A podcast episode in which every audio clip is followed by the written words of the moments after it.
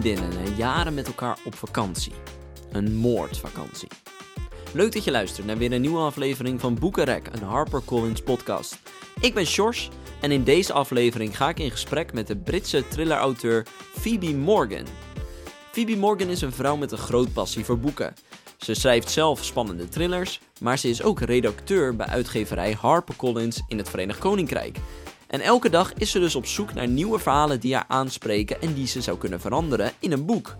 Haar nieuwste boek, Het Resort, is een ijzingwekkende thriller van vier vriendinnen die na jaren weer eens met elkaar op vakantie gaan. Maar eenmaal aangekomen gaat alles mis.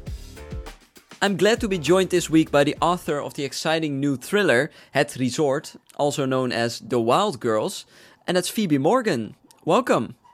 Hi, thank you for having me. Thank you for joining us. How are you? I am good. I'm back in the office, which is nice. Um, and I'm currently working on my next book, so feeling good.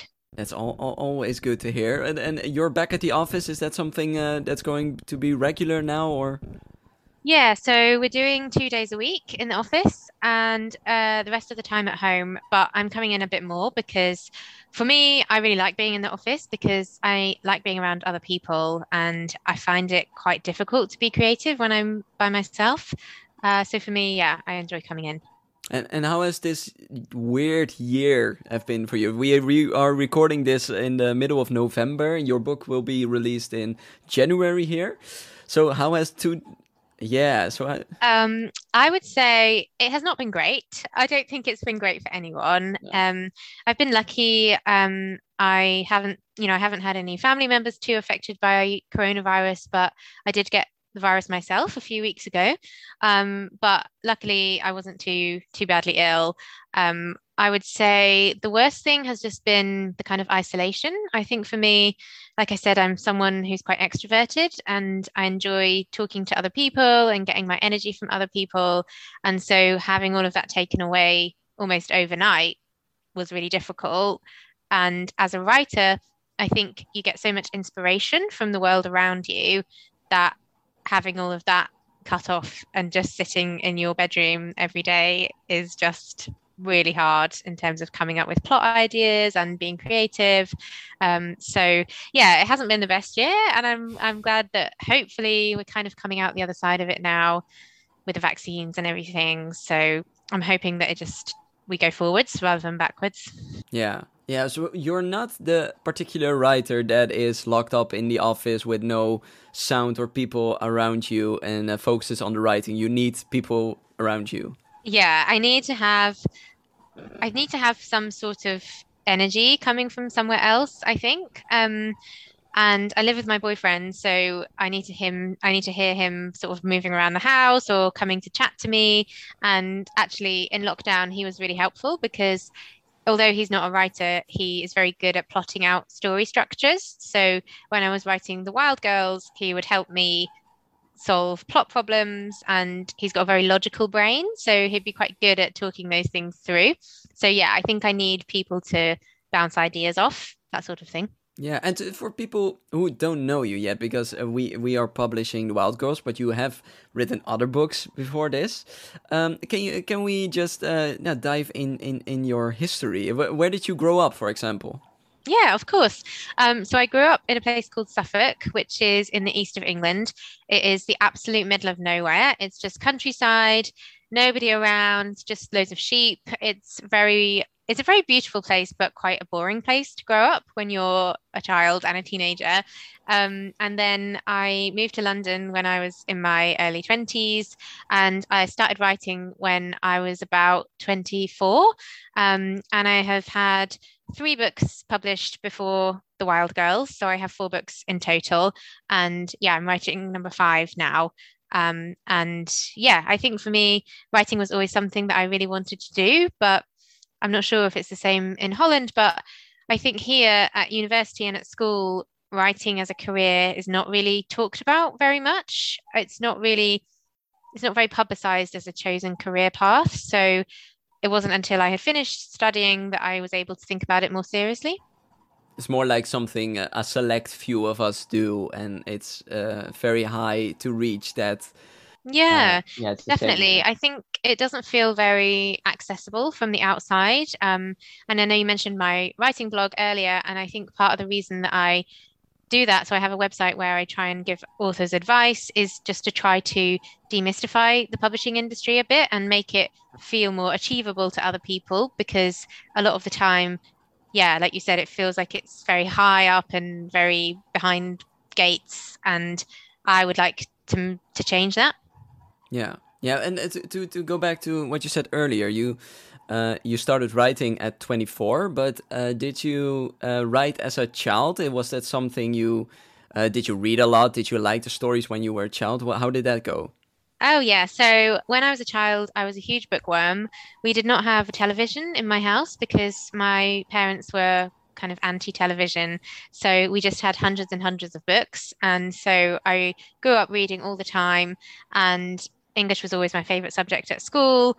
I wasn't very good at maths or anything on that side of things. It was always I was always drawn to language and words and writing. And so I used to write stories, um, you know, just with pencil and paper and sort of staple them together and give them to my family members. Um, and the other day, my grandmother, my grandmother is now 91, uh, but she found one of my stories from when I was a child. Uh, and I had done little illustrations and everything to match up with the text, which I don't do these days. I don't do any drawing to go with the Wild Girls. Um, but yeah, it, it, was always something that I just really loved. Um, and I think fiction and reading is just such a form of escape, isn't it? And the last year or so, I'm just really grateful that I've had writing to kind of escape into when when the pandemic was particularly bad. Yeah. And uh, you said you, you were a bookworm. What what kind of books were to be found in, in your parents' house? Um, a bit of everything, really. Um, I have two younger brothers, so they would read a lot of fictionalized books which were about sport or so there was a series which was all about a cricket team that we all used to read. And uh, i used to read all the kind of classic books like roald dahl and i used to read people like jacqueline wilson um, and mainly just fiction like not really much non-fiction um, and then yeah, my mum was uh, a primary school teacher, so she was very big on getting children to read really early. So she taught us all to read before we even got to primary school. So it was a kind of big focus, I think, for her was making sure we could all read well, um, which obviously now I'm really grateful for. Yeah, yeah. But you said you, you weren't reading a lot of uh, nonfiction, but as I understand, your first job as an editor was in nonfiction. Yeah. So my first job in publishing was as a nonfiction publishing assistant uh, at a place called Octopus Books, um, which was a really nice place to start, to be honest. It was a lovely company, and they published cookbooks and reference books and sort of uh, pop pop psychology books, that sort of thing. Um, and I really enjoyed it, but I always knew that I was more drawn to the fiction side of things. But I think actually starting in nonfiction gave me like a really good grounding of publishing because you know so much so many of the skills are transferable and it was it was really nice to like learn those processes and have those kind of books as a bit of a contrast to what I was reading at home. Um, and now I have tons of great cookbooks, which are all from when I worked at Octopus, even though I can't cook, but my boyfriend can cook, so he uses those. Oh, um, so yeah, it was a really good place to start. And uh, you ended up in in fiction. Um, so, so as an editor, well, I know what an editor is because I work with them. But for our listeners, can you explain what you do as an editor? Of course. So, as an editor, my job is to acquire new authors for our list. So, I specialize at the moment in crime and thriller publishing, uh-huh. and I have to read authors' manuscripts. They usually come in from literary agents and try and make a decision as to whether or not we should buy them. Uh, I also have a list of probably about 15 different authors that I work with now, and I will give them feedback on their novels. So I'll do a structural edit, which is a sort of bigger picture edit, maybe cutting things out, changing things around, developing plot lines and then I'll do a more closer line edit and go through line by line. Um, and also, aside from the editorial part of the job, as an editor, you really have to act as a champion for your authors within within the publishing house and kind of within the wider industry. So I'm always trying to shout about my authors on social media. I'm trying to give them as much information as I can and basically build their careers. Um, because I want to work with authors who have multiple books in them rather than just sort of I don't really want to do like one hit wonders. You know, I want to do people that have take it seriously as a career. Yeah. And and I can imagine that you uh, get sent of your your team gets sent a lot of manuscripts. Uh, how how many do you get to see? Uh, yeah, how many manuscripts do you see in in a week, for example? Um, well, it really varies. Some times of year are busier than others. Uh, we just had the Frankfurt Book Fair back in October. And so often it's busy around this time of year. The autumn is quite a busy period. Uh, I have had quite a lot this week. So at the moment, on the moment on my sort of to be read list, I have about 20 submissions I haven't got to yet, which feels like quite a lot for me because I like to try and get back to people quickly. But to be honest, it can be quite difficult to find the time to read submissions because you basically have to read them outside of your nine to five. So you read them in the evenings and the weekends. Uh, but yeah, it varies. And then there's two other editors on my team who are also receiving submissions. So yeah, the volume is pretty high, and the percentage of people that we take on is is probably quite small.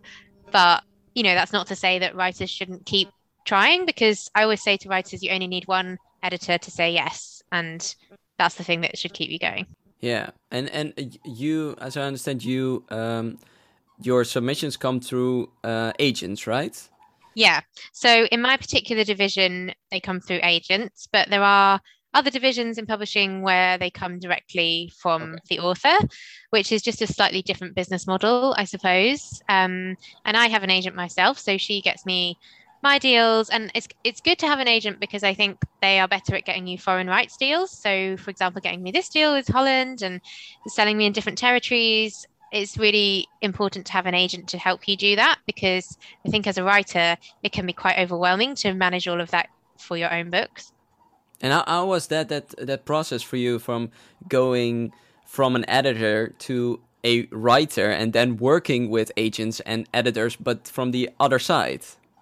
It's kind of strange, to be honest. um, I think I'm lucky because when my first book went out on submission, I didn't really know many people in publishing because before I worked in publishing, I trained as a journalist. So I hadn't developed the network of agents and editors that I do now, now that I'm a fiction publisher. So I think if my book went out on submission now, I would be terrified because it would be going to people that I know and people that I'm friends with to read, and I would find that really embarrassing. But at the time, a few years ago when I was first published, yeah, it kind of was not really like that. Um, but it, it definitely is a strange experience now. And I think I have to try hard to keep the two aspects of my life separate because there's so much crossover because I'm writing crime and I'm publishing crime. And so at, at, times it can feel a bit overwhelming. Like all I do is read crime and thriller books all the time. Yeah. So I try to, you know, set boundaries with myself and I, I do a lot of my own writing at the weekends when, you know, there's there's not any kind of work encroaching on the writing time. Uh, when I was younger, I used to try to write during the evenings, but actually, when you've done a full day's work, it's so difficult to then find the motivation to open your laptop up again. Um, yeah. yeah. so it's a it's a bit of a tricky balance, but you know, I'm really lucky that I get to do both because I have two jobs that I love. Yeah, and and, and how you said you were afraid, uh, you would be afraid if you were finding uh, a publisher now, how your colleagues would react. But how did they respond when you were getting published? Uh, the, the people you knew. Um, everyone was really nice. Yeah, everyone was really supportive. Um, and as my kind of writing career has grown, I have been a bit worried about whether, you know, the authors that I published would think of me as a competitor. Yeah kind of a concern for me.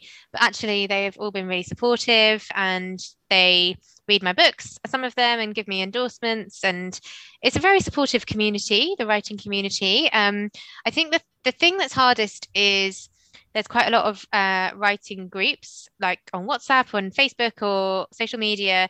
And I can't really be involved in those groups in the same way because I'm on the dark side as a publisher. So I have too many kind of secrets. I have too much insider knowledge um, to ever really be a fully fully fledged writer. So for me, I think I'm always an editor first and a writer second. Um, maybe at some point that balance will change, but that's how I feel at the moment. So it can be quite hard to make, I guess, to make genuine friends that are writers because I think they know that I am also on the other side of the gate, if that makes sense. Yeah. And is what is that something you aspire to to make that change from uh, being a full time editor to being a full time writer? Um, I'm not too sure at this stage of my career. I think not right now, definitely, because like I was saying earlier, I like being part of a team and I like being part of a sort of thing bigger than just myself. Um, but maybe at some point there would be more of a balance and maybe I could work part time and write more a bit more as well. Uh, but at the moment, I feel as though I need to get a bit further on in my career and and continue to publish the authors that I'm working with, and then maybe I'll have a think about it.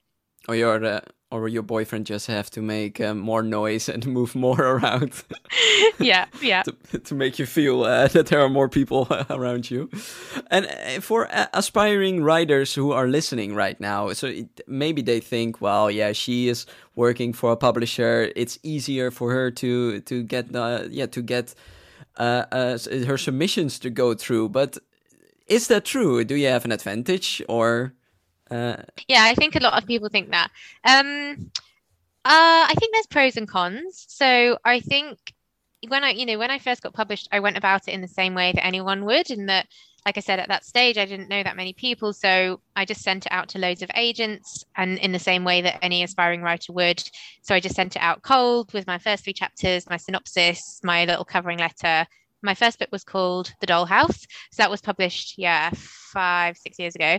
Um, and then now, obviously, that I'm published and I work in publishing, it's it's different, but I think in some ways, in some ways, it's harder because you are so aware of how the industry works, and so I'm quite pragmatic about my books. I'm quite realistic about what they might sell or what I should expect, but it also means that I I don't push in the same way that other authors do because I kind of I've seen too much of the inside. Um, and I would say, as an aspiring writer, you don't need to work in publishing. Like it just kind of happened to me that I had these two things I wanted to do. But the vast majority of the writers that I work with don't work in publishing. They have other jobs that are completely unrelated. And so I would say to anyone listening, definitely if you want to work in publishing, you should, but it's not a prerequisite to being an author. They, they're quite separate things. Um, and of course, like I have more knowledge of the market and, and what trends are coming up and what readers like to read. But that doesn't mean that I can always write for it, you know, and, it, and it's quite a difficult thing to write for the market sometimes. I think it's better to be aware of what is selling, but also write something that feels authentic to yourself and feels like a passionate project for you. Because the thing about being an author is often you're working on a book for a year and then you're publicizing it for you know months after that. You know it's i wrote the wild girls like a year and a half ago and now i'm talking about it to you now. So it has to be something that you feel strongly about and that you can continue to discuss with people. So you have to love it basically. Yeah. And uh, do, you have any advice for from people uh, for people that are now writing and maybe are on the verge of uh, submitting their manuscripts or are yeah in doubt if they are good enough to do it. Do you have any advice for the, those people?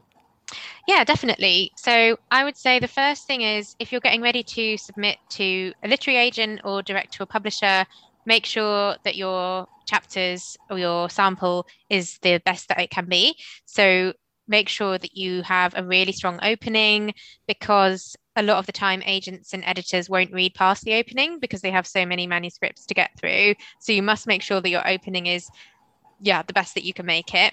Um, i would say it's really important to follow the guidelines on an agency website because agencies have slightly different requirements sometimes. So make sure you've read what they've asked you to do and stick to it because you don't want to give them a reason to say no to you um, and I think you have to believe in yourself and you have to have a lot of persistence.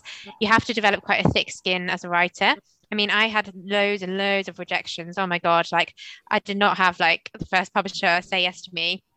And I don't know many people that did. A lot of people had multiple rejections and didn't things didn't always go well for them straight away. But if you really want to be a writer and you know that you won't be satisfied until you have a book published, then the only option is to just keep going. And I know authors who their first and their second books didn't sell, and then their next book sells and becomes massive. And authors' careers go up and down all the time. So it's worth bearing that in mind and keeping that kind of resilience within yourself. I think that's really important because it can be can be quite emotionally draining going Yeah. through the submission process. I can imagine. Yeah, and before you know it, you you are writing your fifth book. Yeah, it's crazy. I don't I, I don't actually know how that's happened. It seems really weird when anyone says that, but yeah, I'm writing it now. Um, and hopefully it should be out in 2022 or maybe 2023.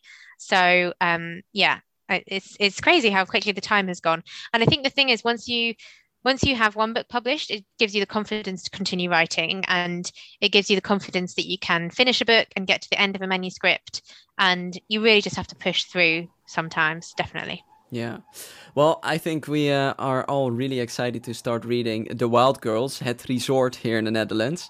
And Phoebe Morgan, I really want to thank you for joining me today on this podcast. Thank you so much. I'm really excited for the book to come out and I hope everyone listening enjoys it. Ben je ook zo benieuwd geworden naar deze spannende thriller? Het Resort van Phoebe Morgan is vanaf nu overal verkrijgbaar. En dat was het weer voor deze aflevering van de Boekenrek podcast. Volgende week blijf ik dicht bij huis en bezoek ik de Leidse auteur Jeroen Windmeijer. We kennen Jeroen natuurlijk al jaren, maar dit keer neemt hij ons mee naar een plek die gehuld is in mysterie, namelijk Paaseiland. Mis dit niet. Voor nu wens ik je nog een fijne dag, blijf gezond en blijf vooral lekker lezen. Tot de volgende keer.